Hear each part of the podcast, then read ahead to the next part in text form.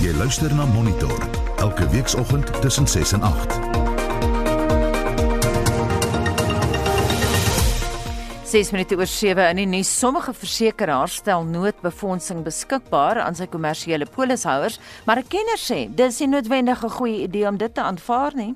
Ons kry ook 'n reaksie op Steinhoff se voorgestelde skikking van meer as 16 miljard rand. En AfriForum se veiligheidshoof in Cameron praat oor sy besluit om na 7 jaar in die posisie te bedank.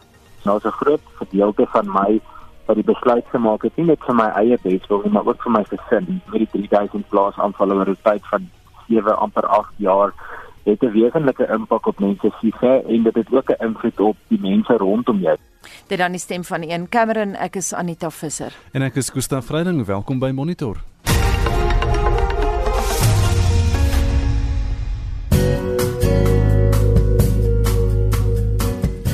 Weer vir vandag, die 28ste Julie is uitgereik deur die Suid-Afrikaanse Weerdiens. En 'n waarskuwing toestande bevorderlik vir die ontstaan van weggolfveldbrande word verwag in die noordwestelike dele van die Oos-Kaap. In Gauteng vanoggend Pretoria is gedeeltelik bewolk 17 grade daar later vanmiddag en aan die res van Gauteng net mooi weer 16 in Johannesburg en ook 16 in Vereniging. In die Laagveld is dit gedeeltelik bewolk en Bombela word vanmiddag 15 grade In Limpopo ook bewolk, Polokwane word 16. Die Noordwes-provinsie is weer mooi weer. Mahikeng en Vryburg, Mahikeng word 19, Vryburg word 20 grade. Die Vrystaat in die Noord-Kaap is ook mooi weer. Bloemfontein word 18 vanmiddag, Kimberley 21 en Appington 24 grade. Die Weskaap is gedeeltelik bewolk. Die wind is lig suidoos. Dit word matig tot taamlik sterk in die namiddag. 18 in Kaapstad en 20 grade in George. Daar gaan ligte reën ook wees in die namiddag in George. Die Ooskaap mooi weer, dit word bewolk in die aand. Die wind is lig noord in die vroeë oggend.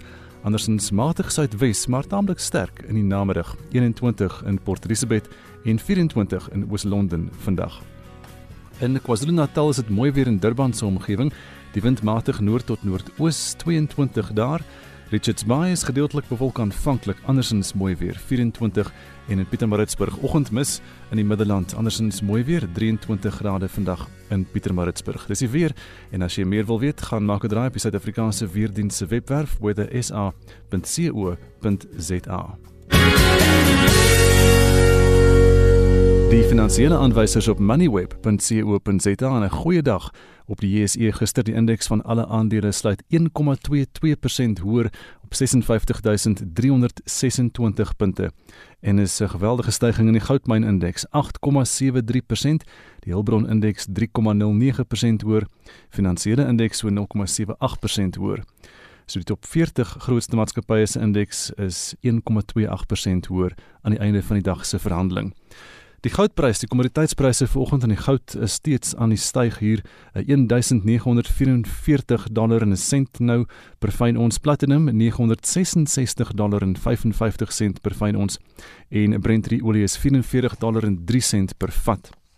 Die wisselkoerse, die rand teen die Amerikaanse dollar is R16.46, teen die euro is dit R19.31 en 'n Britse pond kos vanmôre R21.16.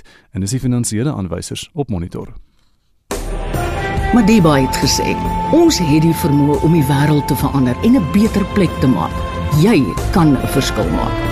Terwyl ons in Julie maand hierdie legende se lewe herdenk, laat ons nie die lesse wat hy ons geleer het vergeet nie. Lesse oor welwillendheid en opheffing, nie net van jouself nie, maar ook van die mense in jou gemeenskap en lesse van meelewing met ander. Terwyl ons Madiba maand vier, onthou om jou bydrae te lewer en 'n verskil te maak. Die SABC vier Madiba maand. Hitsmerk is Legacy Lives.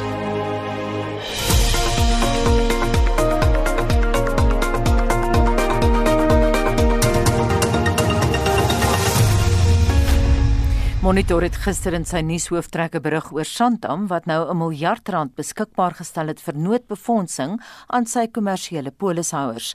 Professor Birgit Kuske, direkteur van die eenheid vir versekeringsreg aan die Universiteit van Pretoria, waarsku egter dat die aanbod baie beter klink as wat dit in werklikheid aan die polishouer bied. Kom ons praat nou ver oggend met haar. Goeiemôre Birgit. Goeiemôre Anita. Hoekom is jy skepties oor die klaarblyklike gul aanbod deur Santam? Anita, laasweek het die reguleerders uiteindelik in 'n mate 'n deurbraak gemaak. Dis nou nadat versekerings skoppend en skreeuend na die onderhandelingstafel getrek is. Uh die reguleerders het 'n breë verstandhouding gepubliseer wat hulle bereik het met die versekeringsindustrie om te probeer om die reputasie en die naam in ere te herstel van die korttermynversekeringsindustrie wat duidelik baie skade gekry het die laaste ruk nadat dit bekend geword het oor die afwysing van eise van besigheidsonderbrekingseise van versekerdes. Mm. Hierdie is nie 'n direktief aan versekeraars nie, dit is nie 'n instruksie wat hulle moet nakom nie, maar die breë verstandhouding is dat versekeraars 'n interim aanvanklike bedrag sal betaal aan van die mees betrokke besighede spesifiek in die gasvryheidsindustrie en hierdie eenmalige welwillendheidsbetaling word nou gemaak deur die versekeraars hangende die litigasie waarin hulle is en dan met die doel om die besighede weer in staat te stel om aan die gang te kom. Aanvanklik was ons baie opgewonde daaroor, maar later het dit duidelik gebleik daar's twee punte. In die eerste plek is die feit dat die bedrag wat tans aangebied word aan die klante baie baie laag is. Ons praat van R25000 as 'n eenmalige betaling tot en met 'n maksimum van 1 miljoen rand. Dit is nou die bedrag deur Santam aangebied. Uh, dit is verskriklik laag om as mense in ag neem dat daar is 4 tot 5 maande se besigheidsverliese gelei. En R25000 betaal in meeste gevalle nie eens die huurgeld mm. of die basiese salarisse van personeel nie. Mm. Dit is ook moeilik omrede daar 'n dubbelsinnigheid is in die woorde. Die reguleerders noem dit spesifiek this interim relief will take form of a once-off payment to continue running the businesses while waiting for the outcome of um, legal issues, a once-off payment. En dit is dan aan die ander kant iets wat jy as 'n deposito sou kon interpreteer en waarop jy dan later jou uitstaande balans sou kon eis. Dit lyk nou of versekerings egter wel van plan is om hierdie eenmalige betalingsaanbod te maak sonder om dan voort te gaan om uitstaande bedrae verder af te betaal. Mm -hmm. sou die versekerde dit op daardie terme aanvaar. Birgitte, ons uh, gebruik Santam nou as 'n voorbeeld, maar soos wat jy tereg sê, daar is ander versekerings wat dieselfde doen. Ja, ons sit met 'n redelike stal van versekerings hier op die oomblik. Ehm um, die groter spelers is Santam, Allard, Bright, ehm um, en spesifiek die wat in die gasvryheidsindustrie verseker en dan so ook het ons 'n hele klompie mediese praktisyns wat nou by ons aangeskakel het wat ook agtergekom het dat hulle inderdaad besigheidsonderbrekingsdekking het. Hmm. En vir so 'n professionele praktisyn is R25000 natuurlik iets wat nie eers die huur van die kamers in 'n mediese sentrum sou kon dek byvoorbeeld nie. Birgitte ook belangrik die konteks hier dat hierdie vergunning kom na baie druk. Ja, daar is baie lank pogings aangewend om te onderhandel. Um, Santam het geweier om te onderhandel met van uh, die groepe waarby ons betrokke is. Van die ander het wel bietjie onderhandel, maar in die algemeen was die versekerings baie traag om te onderhandel. Die redes daarvoor lê ook daarin dat baie van hulle het nie herversekeringsdekking vir hierdie eise nie en dit is dus inderdaad hulle wat op die einde van die dag die balans gaan moet opmaak uit hulle eie um, hulpbronne uit en hulle gaan dit nie van hulle versekerings kan opeis nie. Wat die druk geplaas het nou op die versekerings is nie net die negatiewe publisiteit wat hulle ontvang het nie, maar ook in hulle herversekeringsooreenkomste vir die wat wel herversekeringsdekking het is daar vaste versekeringstermyne waarbinne hulle hulle eise moet indien en die termyne is besig om uit te loop. Mhm. Mm nou die Reservebank en die Finansiële Dienste Adviesraad is twee van die reguleerders. Wat was die kruks van hulle raad?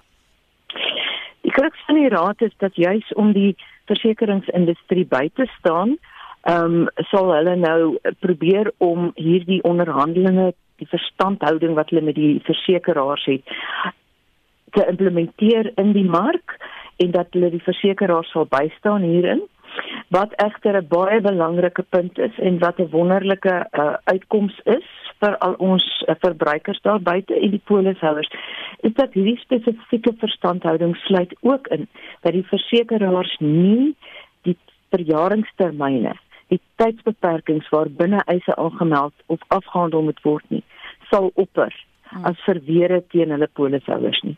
So dit het fantastiese nuus gewees dat die versekeraars bereid was om hierdie termyne te laat vaar en dit gaan onmiddellik die dryf vir 'n uh, radikale um, litigasie op die oomblik 'n bietjie terughou. Wat egter wel gevra word is dat die versekeraars en die polishouers soos ook byvoorbeeld passasiers van lugrederye moet verstaan dat daar is 'n kontantvloei probleem en dat bedrae nie onmiddellik altyd alles uitbetaal kan word nie. Wat 'n praktiese vergunning aan die polishouer sou jy graag in die reguleerders se aanbevelings wou sien Birgitte?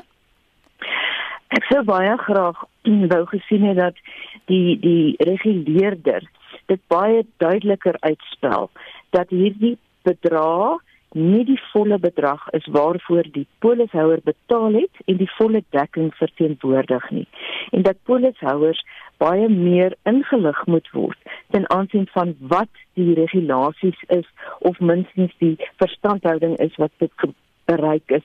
Ons het intussen met makelaars ook gepraat wat self nie 100% seker is oor wat die bedoeling of die boodskap is wat deurgaan ten aansien van die reguleerders nie. So ons het 'n baie kort opsomming opgestel vir wat ons dink ons polishouers van kennis moet neem. In die eerste plek kan slegs polishouers wat wel dekking het gebruik maak van hierdie eenmalige betaling wat hulle dalk of dalk selfs nie deur hulle versekeraar mag ontvang nie. Dit hang alles van die versekeraars af. So eerstens moet die polishouers weer seker maak dat hulle dekking het. Ons kry baie mense wat by ons aankom met die polis, dit lyk of hulle dekking het vir aansteeklike of aanmeldbare siektes, maar dan as 'n mens dit versigtig lees, dan is die besigheidsonderbrekingsdekking slegs vir iets soos brand of ander eiendomsskade en nie vir aansteeklike siektes nie. So die polisbewoning is geweldig belangrik. Dis stap 1. In die tweede plek moet polishouers intussen hulle volledige skade probeer bereken vir die volle termyne waarvoor hulle wel premies betaal het en wel dekking gekry het. In meeste gevalle is dit 6 maande of 12 maande en dit lê natuurlik nog voor ons. So dit is belangrik dat polishouers nie aanbiedinge wat hulle nou aanvaar vir 'n lae bedrag in volle en finale vereffening aanvaar nie. Hmm. Hulle moet dit aanvaar, hulle moet hulle besighede daarmee probeer opbou so gou as moontlik, maar hulle moet nie die moontlikheid om die balans wat nog uitstaande is te verbeur deur hierdie betalingkies in volle en finale vereffening te aanvaar nie. So net laasens en kortliks, hulle moenie hierdie aanbod sommer net vir soetkoek opeet nie. Hulle moet hom nie net vir soetkoek opeet en sê wel dis nou maar wat ek gaan kry en dis nou maar wat ek gaan vat en aangaan nie. Dis belangrik om hulle regte te beskerm vir die uitstaande bedrag. Hulle het altoos daarvoor premies betaal en hulle het 'n versekerde dekking of risiko gehad en en om nou um, te skik met die versekeraars is iets wat 'n mens baie versigtig moet doen. Jy moet jou eie belange ernstig ter harte neem.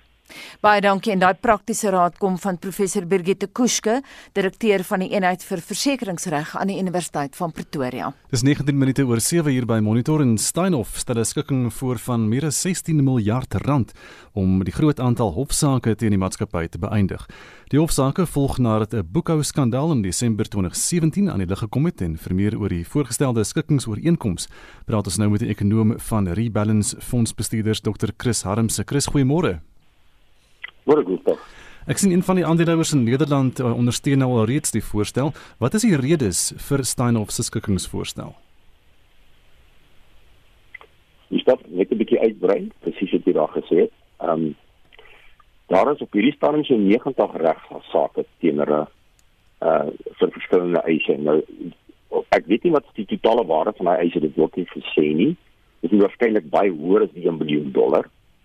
Um, en uh, want die totale eise teen die maatskappy uh, beloop iewers hier tussen 7.5 miljard uh, uh dollar en uh 10.5 miljard dollar. PwC uh, uh, uh PwC het ondersoek twee jaar gelede dus so 7.5 hmm. miljard dollar. Nou uh dis eise van sake teen die twee maatskappye, die Nederlandse uh, uh 'n hoofmaatskappy, die sogenaamde VN maatskappy van hmm. Steinhoff en dan ook natuurlik sy filiaalmaatskappy in Suid-Afrika. En dit is eintlik die filiaalmaatskappy in Suid-Afrika wat nou kom met hierdie skikking. Uh die hele idee is hulle sal uh, hulle wil regskoste en tyd bespaar. Uh want dit het baie van hulle tyd en dit dit dit, dit moet hulle geleentheid gee om die besigheid weer uh, uh lewensvatbaar te maak sodat dit waarde vir die aandeelhouers kan gee. Uh en ook om natuurlik uh, uh die eise uh, van uh die vir die eisers sekerheid te gee oor wat kan hulle verwag en sodat hulle ook uh, weet moeite tyd en geld met regskoste kan spaar. En alhoewel amper tipe van 'n wen-wen situasie vir vir vir beide en daar is ook dan sou hierdie skikking kom, is daar ander moontlikhede wat verstaan of uh um uh, oopgaan om weer 'n ander uh, finansiering te kan kry om hulle om hulle besigheid uh weet voort te duur. Ek wil net sê dat die uh uh, die uit die persverklaring sê hulle dat uh, uh, en ek gaan dit in Engels aanhaal mm. along stand of management will be able to devote their, their full attention uh, to the continuing improvement of the underlying business and the development of plans to realize value and deleverage the group's balance sheet. Dan is dit aandele in in Steinhoff, dit was in die 80 rand, dit het geval na 80 sent. Hm. En hulle wil hierdie uh goed vinnig weer verbeter uh en en hulle kom met hierdie skikking. So wat behels die voorgestelde skikkingsooreenkoms want soos jy nou sê, die bedrag kom nie naby aan die werklike eisbedrag nie en hulle praat ook nie net van kontant nie, né? Ja, dis reg. Hulle praat nie van kontant nie. Uh Gustav het dit dit bestaan uit drie dele uit. Die eerste een is 'n bedrag van 266 miljoen euro, so 5.1 biljoen uh van eise teen die Steinhoff International Holdings, die hoofmaatskappy en natuurlik dan Steinhoff International uh, beperk in die Suid-Afrikaanse weergawe uh, die filiaal daarvan. Uh en en daar is 'n sogenaamde uh, mark uh, eise teen hulle. Hulle noem dit die market purchase claimants. Uh en hulle gaan 50% in kontant daaruit betaal uit die balansstaat van Stein of Suid-Afrika en 50% van die aandele in Pepkor. Uh ons moet onthou Stein of het 'n groot aandeel in Pepkor en hulle verkoop dan hierdie hulle bied hierdie Pepkor aandele aan die skuldeisers teen R15 per aandeel. En hierdie is so 173 miljoen aandele of 4.6% van die totale aandele van Pepkor. Dan natuurlik is daar 'n tweede skikking uh en 'n derde skikking. 'n uh, Aparte skikking een teen die hoofmaatskappy uh en wat in Nederland uh, genoteer was uh vir 2 miljard uh 104 miljoen uh, euro uh weer eens 'n kontant bedrag van 50% wat uitbetaal word en uh die aandele van Pepkor ook 50%. Dis wat uh dit is so 76 miljoen aandele of 1.8% van die totaal uitgereikte kapitaal van Pepkor. En dan 'n laaste skikking 9.5 miljard skikking, dis die grootte. Uh dit is teen kontraktuele eise van uh Steinhoff Internasionaal uh Eienaarspark Suid-Afrika. Uh weer eens 50% in kontant en 50% van die aandele in Bitcore en hierdie is so wat 345 miljoen rand van die uitgereikte kapitaal van Pepkor. So in totaal so wat 15.7% van die uitgereikte Pepkor Holdings se se aandele wat hmm. natuurlik in as 'n filiaal van van Steinhoff is. Dis hoe hulle die transaksie gaan uh, finansier. En is dit 'n goeie aanbod? Wil die mense wil mense Pepkor aandele hê? Ek dink tog so. Ek bedoel die Pepkor die maatskappy is 'n is 'n is 'n is 'n is 'n maatskappy wat baie beter waarde het op die oomblik op die beurs. Ons weer is 'n maatskappy wat baie goed bestuur word. Uh dit is 'n lewenskragtige maatskappy. Uh en um, en ek dink die skikking uh, uh vir die krediteure uh, wat hulle kan kry, baie van die baie van die krediteure weet gaan vir 'n skikking. Dit gaan 'n baie lang tyd vat. Dit gaan jare se se regsaake met regskoste wees dalk is dit nou amper soos 'n mens sê weet weet uh, weet cut your losses. Ja. Uh, uh en natuurlik dan as dit die maatskappy die geleentheid kan kry om weer winsgewend te maak, dan kan dit net so bydra lewer tot ander aandeelhouers van die maatskappy uh sodat uh jy weet hierdie ding nou tot tot en kan kry en uh uh, uh baie van die mense wel 'n gedeelte kan kry want dit kan wees dat die hofsaak al kom en jy kry uh, jy kry 'n sent per die dollar. Ja. Uh, Christo Wisse, die voormalige voorsitter van Steinhoff is een van die groot eisers. Dink jy hy gaan sy pond vleis kry hierso? Ja, wel definitief. Want ek bedoel ek dink dit is eie aandeel wat hy gaan terugkry omdat die omdat die die die, die skikking van die eise is uh elke keer 50% van die Pepco groep. Hmm. So die aandele wat in wat wat natuurlik in die, in die Steinhoff groep is as 'n filiaal daarvan, dink ek gaan hy nou weer in sy groep uh, en waarskynlik in sy eie persoon terugkry. Hmm. Is hierdie die beste opsie vir Steinhoff um, in terme van die die maatskappy as 'n lopende saak en sy geldsaake? Ehm uh, nee definitief. Ehm um, uh want dit dit gee vir hom baie vooruitsig om nou weer weet sy aandag op die besigheid te bou. Hy wil graag daardie maatskappy se aandele en sy waarde verhoog. Hy hou nog 50% in die Pepco groep. En en en in hierdie onderhandelinge uh, lyk dit vir my is daar op twee ander bronne ook waar hy 'n lenings wat bestaan uh wat hy moet terugbetaal kan omrol uh vir 'n tydperk van 5 jaar en verder teen 'n teen 'n lae rentekoers uh, wat weer vir hom kontant beskikbaar kan stel uh, uh of dat hy nie so groot uh, las op sy kontant het nie. En dan is daar 'n ander een lyk dit my van die ouer maatskappy wat sê dat indien hy uh, hierdie uh, eise kan geskik kry hy weer dan ook 'n lening kan kry uh wat hom kan help om vorentoe te gaan om uh uh by 100 miljoen uh, uh euro lyk dit vir my. Hmm. Uh um ek sien 100 miljoen euro uh, uh dat hy met hierdie uh, lenings uh, ooreenkoms uh, geld tot sy beskikking het om die besigheid weer aan die gang te kry. En net vinnig hoe die mark gereageer, hoe die Steinhoff aandeleprys gereageer. Redelik goed. Hmm. Uh die aandeleprys het met 80% gewees uh um uh, en toe by 89%. Hy het so 10% gestyg gister. Hmm. Uh na die aankondiging. Uh en ek dink onthou jy net onthou daar is ook baie ander privaat individue in Suid-Afrika wat Steinhoff aandele in hulle portefeulje hou. Uh en dit nog hou. Dit is uh, jy kon dit nie eintlik verkoop nie, nou was nie 'n waarde nie. So die die as dit begin styg al is dit van 'n baie lae basis, is hou dit ook voordele vir baie mense. Chris baie dankie Dr. Chris Harmse is 'n ekonom van Rebalance Fondsbestuurders. Kollega Susan Paxton het gister met AfriForum se veiligheidshoof in Cameron gepraat oor sy besluit om na 7 jaar in die posisie te bedank. Gedurende die tydperk het hy meer as 3000 plaasmoorde hanteer. Hy sê hy geniet nou die blaaskans. Dit gaan baie goed met my. Ek um, ek is besig om tyd regtig goed te benut en en tyd met my mense te spandeer en, en net 'n bietjie 'n blaaskans te kry. Hoekom was dit tyd om weg te stap? nou 'n groot gedeelte van my wat die besluit gemaak het nie net vir my eie beswil nie maar ook vir my gesin. Ehm um, plaasaanvalle soos ek sê vir die 3000 plaasaanvalle oor oor 'n tyd van 7 amper 8 jaar het 'n wesenlike impak op mense se siege en dit het ook 'n invloed op die mense rondom jou. Jy weet alhoewel jy probeer om nie in die huis daaroor te praat nie, is dit maar tog sodat dat mense goed hoor en, en ek het ook twee geleenthede in die huis ingestap en gehoor hoe my vrou emosioneel is op die foon en gesels met iemand en ek het net gesê maar wag, dis fout. En dit was al 'n geruime tyd terug, maar ek dink onlangs het ek net besef maar dit is nie volhoubaar nie. Ehm um, nie vir ons op hierdie stadium nie en alhoewel dit net so aanhou om 'n impak te maak in in hierdie groot stryd stry, is dit belangrik om tot die beste van jouself maar ook vir al jou gesin ehm um, dan hierdie tipe besluite te maak. Nou ons het al baie met jou gepraat oor die aanvalle wat daar gebeur, maar ons raak net so daaraan bo langs. Uh, maar as jy huis toe gaan in die aande, hoe dit jou menswees geraak? Ehm um, daar's 'n paar goed. Ek ek dink vir my was die vreemde ding, ek het smaak vir klein goed onthou. Uh jy weet ek het daardie dag toe ek nou dit nou oppak, toe kom ek op 'n klomp toneelfoto's af en en ek blaai te deur die goed. En, en ek is nie iemand wat jy weet ek kom vir 'n baie lang tyd afstand skep alhoewel ek empatie gehad het simpatie en empatie gehad het met met slagoffers en baie tyd met hulle spandeer het um, kon ek 'n mate van afstand skep en en daar het net 'n paar goed het by my agtergebly jy weet die laaste paar tonele was dit asof jy weet ek het ek het so aan jou gesê dis asof die die lug is dood. Ehm um, die beeste treur op daai plase en selfs al keer jy terug weke later is dit steeds asof dit dood is. Selfs al is dit skoon gemaak, kry jy mense nie weer die gevoel van hier is vooruitgang nie. En, en ek wil nie mense negatief praat nie, dis glad nie my doel nie.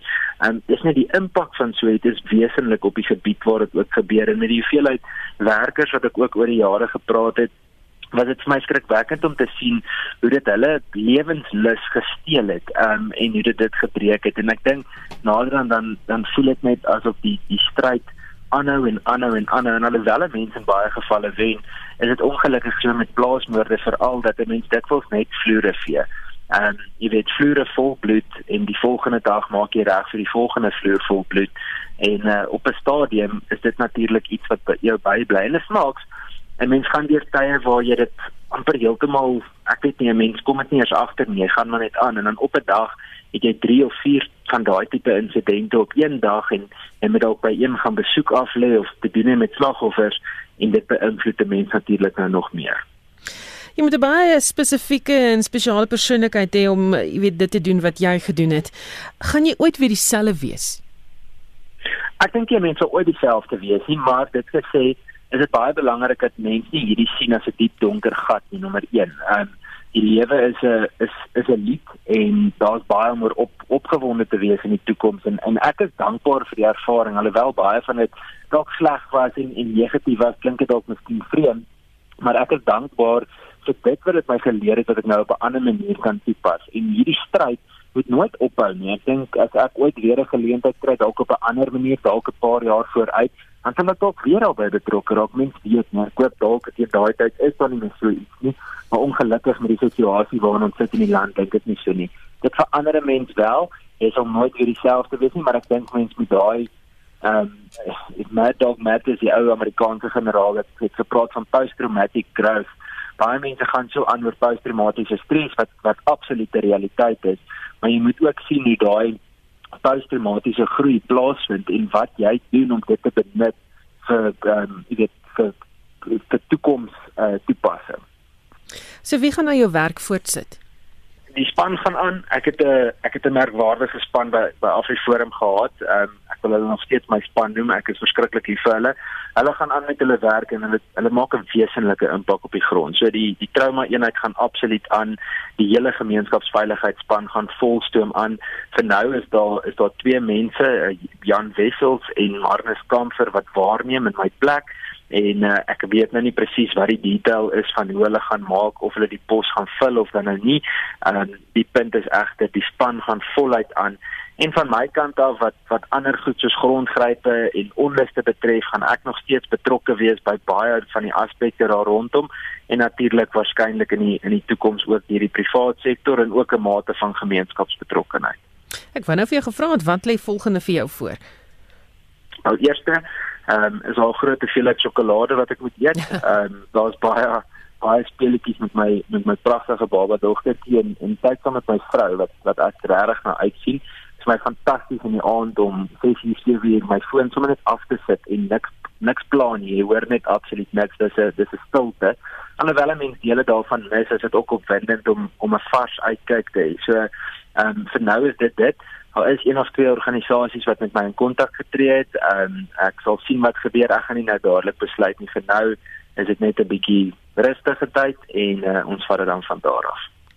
Nou ja, ons het gepraat oor plaasaanvalle en die polisie uh, net voor ons met jou gesels het, maar doen die polisie en die regering genoeg om plaasmoorde en aanvalle beter te bestuur, dat werklike aksie daarteen te neem? Wat dink jy?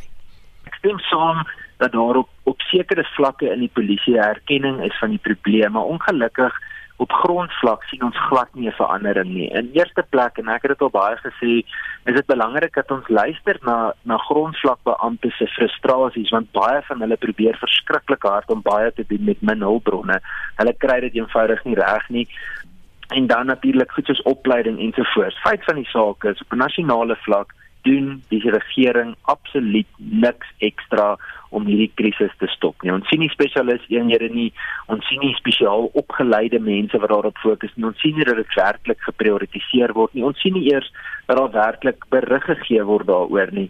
Um of minstens kommentaar deur byvoorbeeld die polisiekommissaris nie. So nee, van ons kant af of van my kant af nou dit voel snaaks uh definitief nie ek sou sê dat ehm um, gemeenskappe op hulle eie is en dit is nie om mense, jy weet nie, dis nie om pessimisties te wees nie, maar ek dink mense moet heel eers gaan kyk hoe hulle hulle self kan beveilig in landelike gebiede.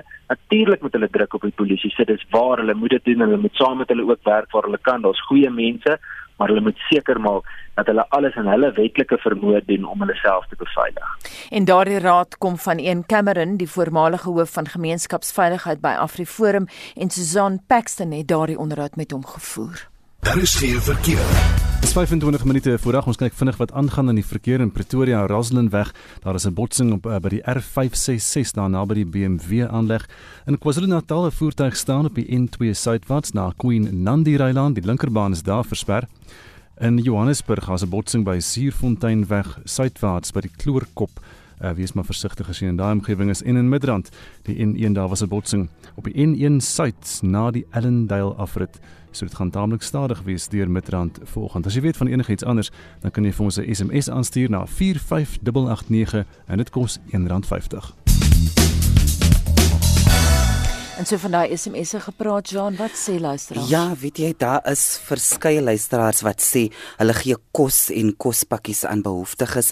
'n Anonieme soldaat sê ons is 168 soldate aan diens in die Noord-Kaap en het 14 families in nedersettings geïdentifiseer wat niks het om van te oorleef nie.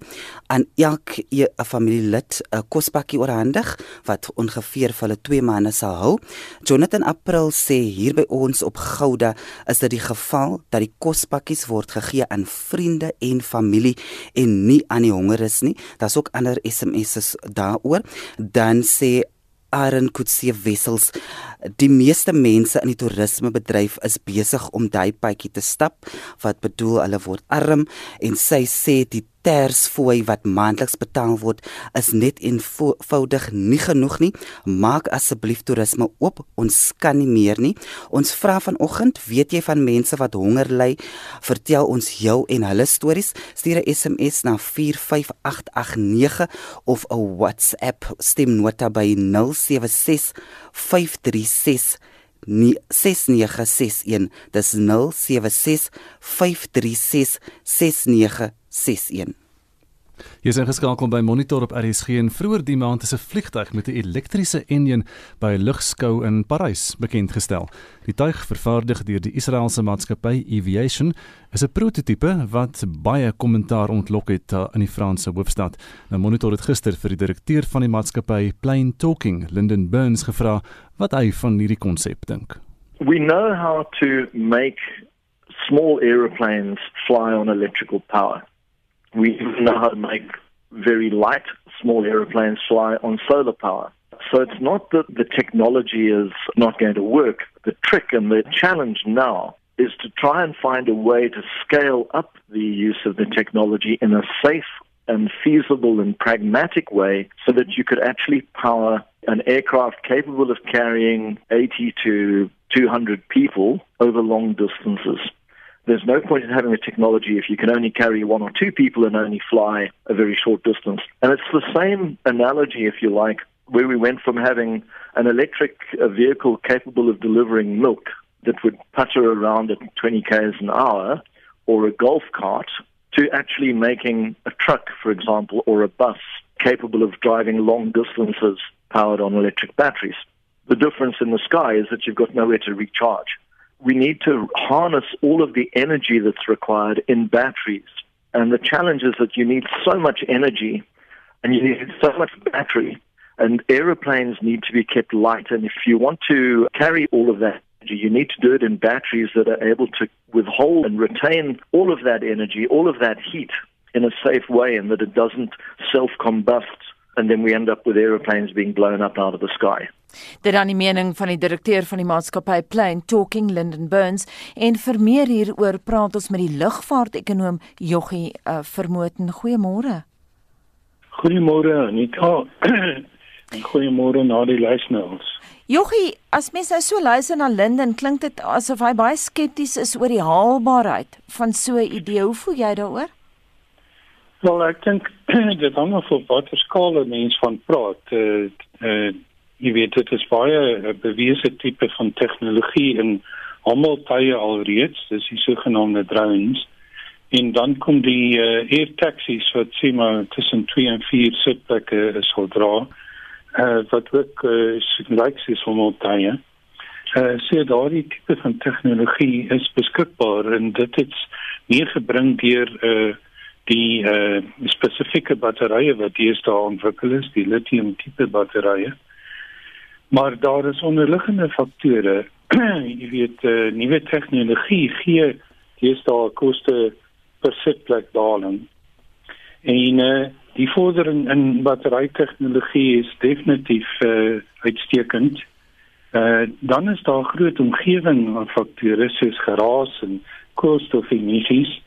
Die lugvaartbedryf het uh, ooreenkomste aangegaan wat hulle uh, 2020 as basis sou gebruik. Dit sal waarskynlik geskei word om by 2050 'n sogenaamde carbon neutral uh, situasie te te ontwikkel. Nou hierdie prototipe het uh, slegs kan slegs 9 passasiers dra en dan teen 'n hoogte van 10000 voet vlieg. As 'n lugvaartekonoom maak dit ekonomies sin uh, so 'n elektriese vliegtuig vir 9 mense? Ja, uh, dit is vir uh, kleiner roetes. Uh, daar is groot kliënte op die oomblik. Hierdie vliegtuig is 'n spesifieke ene wat uh, se lugraam uh, spesifiek ontwikkel is om baie lig te wees om aan te pas by hierdie vereiste. En ehm um, in sy geval die motore en die batterye beslaan omtrent 60% van die totale gewig van die vliegtuig. So dit kan net vir korter uh, vlugte op die oomblik gebruik word en daar is groot kliënte soos uh, Cape Air in Amerika wat daarvan gaan uh, gebruik gemaak. Nou hulle het uh, kleiner vliegtuie 4 en 6 uh, sitplek vliegtuie maar het baie daarvan 93 van hulle as 'n voorbeeld. Hmm. En hulle is 'n uitstekende kandidaat om van dit uh, gebruik te maak. Uh daar is ander tipe van ontwikkelings ook uh, uh waar dieselfde tipe van uh, batterye en uh motore toegepas word op uh, bestaande vliegtuigrame. En uh, daar is 'n hele klomp sulke voorbeelde. Mm. Maar uh, uiteindelik gaan dit oor hoe lank uh, krag behou kan word in die batterye en op 'n stadium ons sou onthou hierdie klein beertjie van Duracell wat so opklim by die uh, gebou maar op 'n punt is jou battery krag op. Mm.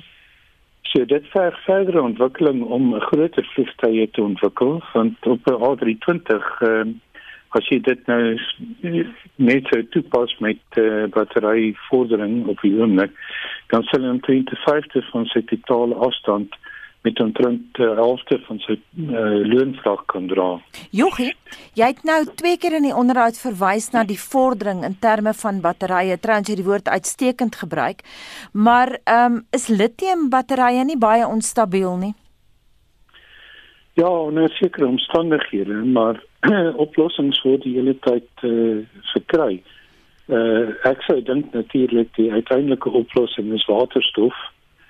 Uh, ek weet nie laat julle onmiddellik Hindenburg dink nie. maar uh, daar is 'n uh, groot vordering ook aan die gebruik van waterstof om as 'n hydro uh, tipe van brandstof en om dit te gebruik vir 'n sogenaamde hydrogen fuel cell. Dis batterye wat waterstof deurlopend gebruik.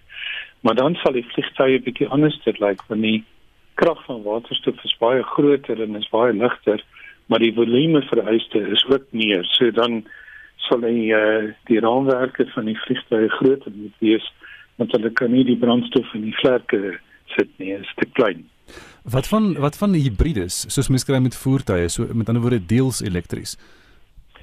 Ja, dit het 'n rol, maar dit is 'n tydelike rol. Eh uh, daar's ook hibrides van uh, brandstof op die oomblik hmm. vir die kleiner vliegtuie weer eens. Maar uh, vir die groter vliegtuie het jy 'n probleem van temperature en uh drukking. Uh dit met baie hoë drukkingsfaktore kan on uh weerstaan want uh, die die engines is ontwikkel vir sekere omstandighede. So jy kan nie net sommer enigiets ingooi en hoop dit gaan werk of toets dit gaan werk en dan by verskillende atmosferiese druk werk dit anders te nie. So daar is 'n hele uh, stapie om te loop, maar 2050 is nader as wat 'n ou dink. Mhm. Mm Ek wou jou net vir jou gevra het as 'n laaste vraag. Jy praat nou van 2050. Hoe gaan dinge lyk like in 2050? Gaan ons dan rondvlieg met elektriese vliegtuie? Ja, waarskynlik. Uh, ek sou dink dat een van die mees uh, uh, gunstige uh, omstandighede sou die waterstof uh, batterystelsels wees en dan ontwikkel jy die waterstof deur uh, groen uh, tipe van uh, energieontwikkeling en dan uh, sy verbranding is absoluut baie beter as enige ander hidriel uh, koolstof tipe van brandstowwe. So ek dink dit sal 'n elektriese vliegtuig wees, maar ek dink die batterystelsel sal anders wees en anders lyk as wat ons aangewoond is. Baie dankie en so voorspel die lugvaartekonoom Joggie Vermoten. Dis 14 minute voor 8 uur by Monitor op RSG en ons skop wêreldnuus af op 'n positiewe noot.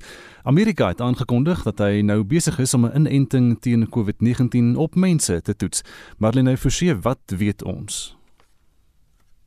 Môre Gustav, daar's weinig inligting beskikbaar op hierdie stadium, maar volgens Dr Anthony Fauci wat aan die stuur van die projek staan, kan uitslae reeds in November verwag word. 30000 vrywilligers neem deel aan die toetsloopie en volgens die WHO of die Wêreldgesondheidsorganisasie is daar nou 25 potensiële kliniese toetse vir inentings. En ons bly by COVID nuus finansiële hulp wat aan Amerikaners beskikbaar gestel het um, om die ekonomiese fyshou van die pandemie af te weer kan daar um, dit kom teen die einde van die week tot 'n einde. Nou die Republikeine stel voor dat nog 1 triljoen Amerikaanse dollar beskikbaar gestel word vir um, noodhulp in daardie verband. Die plan sluit in 'n 100 miljard dollar vir skole as ook stimulusbetalings van tot 1200 dollar vir die meeste Amerikaners en 'n 1000 of eerder 600 dollar hupstoot wat werkloosheidsvoordele betref. Nou ons bly by nuus uit uh, Amerika die liggaam van die invloedryke voormalige burgerregte beweging leier John Lewis kan uh, tot vanaand in Washington besigtig word. Lewis was ook natuurlik lank 'n lid van die Kongres gewees. Sy liggaam is deur die strate geneem verby verskeie bestemmings wat vir hom van belang was, onder meer die Martin Luther King Jr gedenkteken en die nuwe Black Lives Matter Plaza naby die Withuis huis. Sy liggaam kan vir oulaas in die Capitol gebou besoek word. Daar's dit word daar ontvang deur 'n militêre erewag en die Kongres en die spreker van die huis Nancy Pelosi het daar hul aan hom gebring. Between then and now, John Lewis became a titan of the civil rights movement and then the conscience of the Congress. Here in Congress, John was revered and beloved on both sides of the aisle, on both sides of the Capitol. En dit was die spreker van die Amerikaanse Kongres, Nancy Pelosi. Spanje het intussen uitgevaar teen Brittanje se besluit dat Britse besoekers aan die land hulle met die terugkomslag in hulle huise moet afsonder. En dit staan nou vir 2 weke en die land moedig inwoners ook aan om slegs na Spanje te reis vir noodsaaklike redes. Die Spaanse president Pedro Sánchez het hom skerp hierteen uitgespreek. Hy sê Britte is veiliger in verskeie vakansiebestemmings in Spanje as in Brittanje self. Brittanje hou egter voet by stig en volgens kenners probeer die land nou leer uit die foute van sy verlede. En dan gesondheidswerkers in Brasilië het die internasionale strafhof gevra om 'n ondersoek van misdaad teen die mensdom te loods teen president Jair Bolsonaro. Dit volg op sy beweerde swak hantering van die pandemie.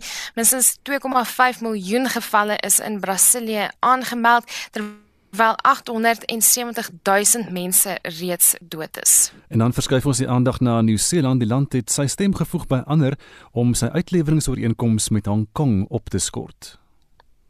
En die rede hiervoor is China se omstrede veiligheidswetgewing wat in Hong Kong afgedwing word. Nou die wetgewing maak dit makliker vir China om betogers van die stad te kritiek wat die land eerder wat China kritiseer in hegtenis te neem en dan die stad Hong Kong se onafhanklikheid in te perk. Ander lande wat ook uitleweringsooreenkomste met Hong Kong opgeskort het, is Kanada, Australië en die Verenigde Koninkryk. Marlene Forsie baie dankie met vanoggend se wêreldnuus oorsig.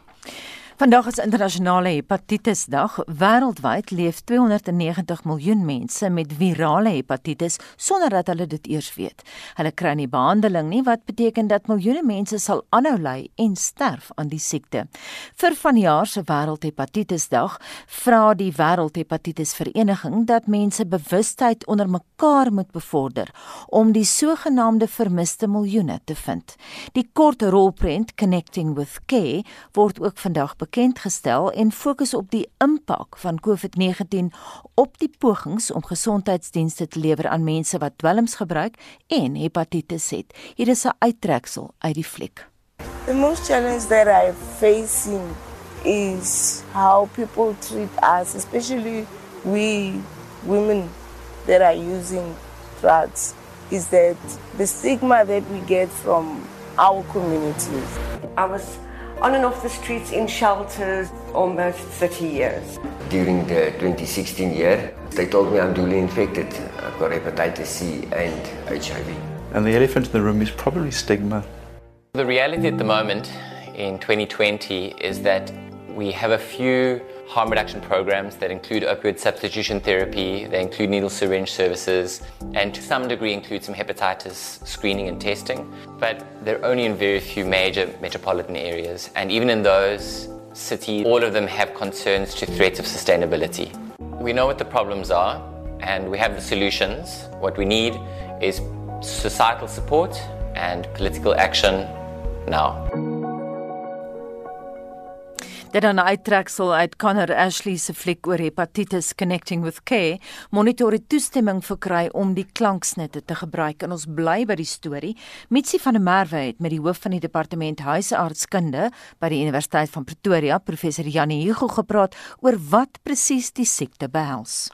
Hepatitis is 'n eenvoudige infeksie in die lewer en daar is hoofsaaklik die hepatitis A is wat jy van kos kry en dan B is wat jy van bloed af kry en C is ook van bloed af maar hepatitis C kom baie voor onder mense wat intraveneuse dwelms gebruik. En dit is hoekom hierdie saak gaan eintlik oor hepatitis C wat baie hoë voorkoms het in die mense wat hulle self inspuit met dwelms. En dit is hoekom dit belangrik is Mense wat op straat bly, het dit nog groter kwessie om hierdie situasie te beheer.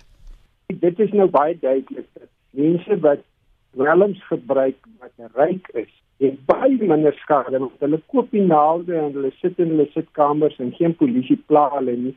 Maar die ouens wat op straat en die arme mense is, hulle het nie daai voordeel nie. So hulle hergebruik naalde en die polisie konfiskeer hulle naalde en hulle word rondgejaag en hulle slaap sleg. So hulle is baie meer blootgestel as byvoorbeeld mense wat ryk is. Die meer menslike benadering sou sekerlik wees om hierdie mense te bemagtig. Nou lyk dit vir my is daar baie sulke programme wat suksesvol is om juis hierdie kwesbares te help nie. In Pretoria het ons nou al vir 4 jaar 'n program aan die gang wat baie gevorder het. Die stad befonds dit en ons mik spesifiek ons noem dit community oriented substance use program en ons gaan uit en help mense met allerlei dwelm gebruik maar die mees belangrike en moeilike een is die mense wat heroïne inspuit en ons het nou 'n program wat ons vir hulle substituut gee Metadone. Dan hoef jy ook nie in te spuit nie. Metadone maak hom nie hoog nie. Dit help hom sy lewe onder beheer te hê. Ons het al sukses met honderde mense in Pretoria. En dit maak dit dan moontlik dat ons dan vir hulle kan naalde gee as dit nodig is, maar baie van hulle gebruik nie meer nie. Dan is dit gestabiliseer. Dan kan jy die hepatitis begin behandel en jy kan hulle gesond kry. Maar ons moet sê dit is nogal duur en daar is nie sulke programme op hierdie skaal in ander stede nie, maar ons het wel in Pretoria gesien dit werk. Watter tipe middel is dit? Methadone is dieselfde tipe middel as morfine en heroïne, maar hy het 'n baie langer halflewe. Hy gee vir jou nie 'n high nie, hy hou net die gemoed konstant en daar's baie navorsing gedoen oor jare internasionaal dat as mense op methadone is, dan kan hulle sonder die heroïne voortgaan en hulle kan hulle lewe stabiliseer en ons noem dit opioid substitution therapy. Daar is ook ander middels, maar die een wat ons die meeste gebruik is methadone. En die probleem in Suid-Afrika is die methadone is baie duurder as wat dit in ander dele van die wêreld is. En dit maak dit nog moeiliker om die programme standhoudend te hou. Professor, hoekom is dit duurder? Die internasionale medisynebedryf is nie so maklik om te verstaan. Dit hang af wat die mark is en wat die mark kan betaal en in Suid-Afrika was dit nog altyd meestal beskikbaar in die privaat sektor waar en in die staat omdat dit nie in die verlede op die essensiële medisyne lys was is daar nie 'n uh, insentief dat dit in groot maat aangekoop kan word. En dit is deel van die probleem, maar ons is besig om dit ook aan te spreek. En dit was professor Janie Hugo aan die Universiteit van Pretoria en Mitsi van der Merwe het daardie onderhoud met hom gevoer. Hoe verskil die Jesus waarvan ons in die kerk leer van die Jesus wat 2000 jaar gelede in Galilea se stofstrate geloop het? Dit wil tog lyk dat Nasaret waarskynlik die mees waarskynlike plek was waar Jesus gebore is en groot geword. Wat het gebeur dat Jesus se volgelinge seker goed geglo het dat daar seker verhale aan hom toegeskryf is? Kom luister Sondag aand net na die 7 uur nuus in die program uit 'n ander hoek saam met my Jean Oosthuizen. Hoe sien die teoloë professors Andrius van Aarde en Pieter Crawford die historiese Jesus? Hierdie Saterdag aand net na 9 uur kom daar weer van die heerlikste country musiek uit die baai. But she won't sit down at your table. Wasted days and wasted nights. Ek Jacques Arend, jy en RSG Country Klanke. Wat 'n kombinasie om jou Saterdag aand tussen 9uur en 10uur onvergeetlik te maak. Beneath the light of neon moon. Daar is geen verkeer. In Pretoria heel wat verkeersligte buite werking, maar daar is daar 'n puntsmanne aan diens by almal van hulle. Johannesburg gebotsing op die N12 Weswaarts by die Galoories wisselaar, een baan is daar versper by Galoories, so wees versigtig in daardie omgewing. Die N12 Weswaarts, botsing by Snykweg en die verkeer staan daar so vertraging van min of meer 10 minute in daardie omgewing. En dit is vanoggend jou verkeer op monitor. Ons het daarom nog tyd vir SMS terugvoer. Jean. Ja. Isabel Kutsie sê ons NPO handig van middel April kospakkies uit in Pretoria in die Vaaldriehoek. Ons het 350 tot 400 pakkies per week uitgegee. Dit is bitter moeilik om donasies te kry en kom ons luister luister na van die stemnotas wat luisteraars gestuur het. Goeiemôre, my naam is Carol. Ek ken 'n hele paar mense wat glad die staatstoelaas ontvang het en wat duidelik gesê was wat aanlyn aansoek gedoen het, hulle kwalifiseer nie. Ek kan dit deel want ek self is kry 'n staatstoelaas. staan ver oggend hier by Wellington is nog lekker donker op 'n land. Die ou by wie ek werk, wonderlike persoon, groot hart, het hier op die plaas 3 bins patats geskenk um, vir die plaaskooltjie Ek is deel van die Eats One Feeds One, ehm um, die regeringsorganisasie in Appington. Reeds 2 dae voor die lockdown is ons groep besig in die ZFM Gou distrik. Die situasie is hartverskeurende as mense sien veral in ons omgewings, die platte land waar mense baie honger kry, ehm uh, waar mense nie ordentlike klere het nie. So ja, ons is besig met die uitgee van klere, skoene, komberse, sop elke dag Nog 'n luisteraar sê ek is 'n pensionaris wat op rente leef. Nou met die rentekoers wat af is, het ek hierdie maand R1000 minder gekry Ek kry by my vriendin kos en deel dit met my huurderparty daar en 'n ander luisteraar sê ek en my vrou as pensionaris het aansoek gedoen vir die staatskospakkies, maar daar kom niks daarvan nie en verskeie luisteraars praat oor die kospakkies en ook oor die toelaag wat hulle nie kry nie al het hulle aansoek gedoen. Dankie dat julle saamgesels het. Marlena, hoe lyk die dagboek vir Spectrum later vanmiddag? Die Hooggeregshofsaak teen die omstrede TV evangelis Timothy Omotoso hier vandag voort in Port Elizabeth. Hy is nou reeds sedert 2017 in aanhouding op aanklagte van verkrachting en mensenhandel.